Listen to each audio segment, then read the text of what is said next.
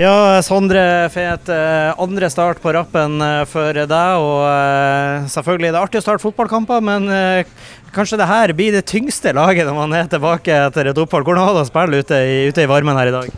Nei, det, det, var artig, men det er også som sagt veldig varmt. Og det er alltid en utfordring når sola steiker på 26-27 grader, så, så det, det er klart det er krevende. Den andre starten på rad for deg, da. Begynner, kroppen å, å, å, gi svar på tiltale? Ja, men selvfølgelig. Jeg føler jo jeg et stykke igjen på, på å komme i toppform. Men eh, klart det hjelper jo på å forstå 60 minutter nå, så må jeg jo bare bygge videre på det. Jeg føler jo det blir bedre dag for dag.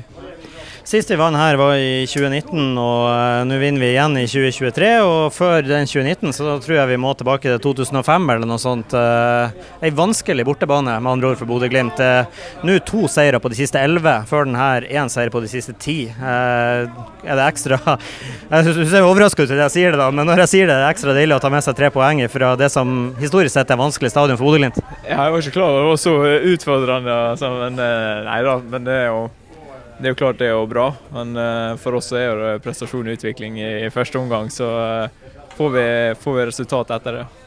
Du, uh, du, må ta oss litt igjennom den 2-0-skåringa til Pellegrino. fordi at Han kommer på kanten, spiller inn til deg. og så, og så jeg, Når jeg kommenterer kampen direkte, så sier jeg det det er jo en indirekte assist på, på Sondre der.